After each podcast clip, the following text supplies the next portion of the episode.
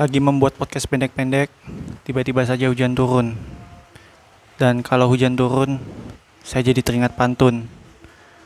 Pantunnya dari Grace Natalie, pantunnya seperti ini. An an an, yung yung yung. Saat hujan mau keluar, jangan lupa bawa payung. Agak maksa ya pantunnya ya. Tapi saya juga punya pantun. Pantunnya seperti ini. Tu tu tu, li li li. Kalau pantunnya seperti itu, semua orang juga bisa kali. Jelek ya pantunnya. Ya sudahlah. Lebih baik saya menunggu hujannya reda.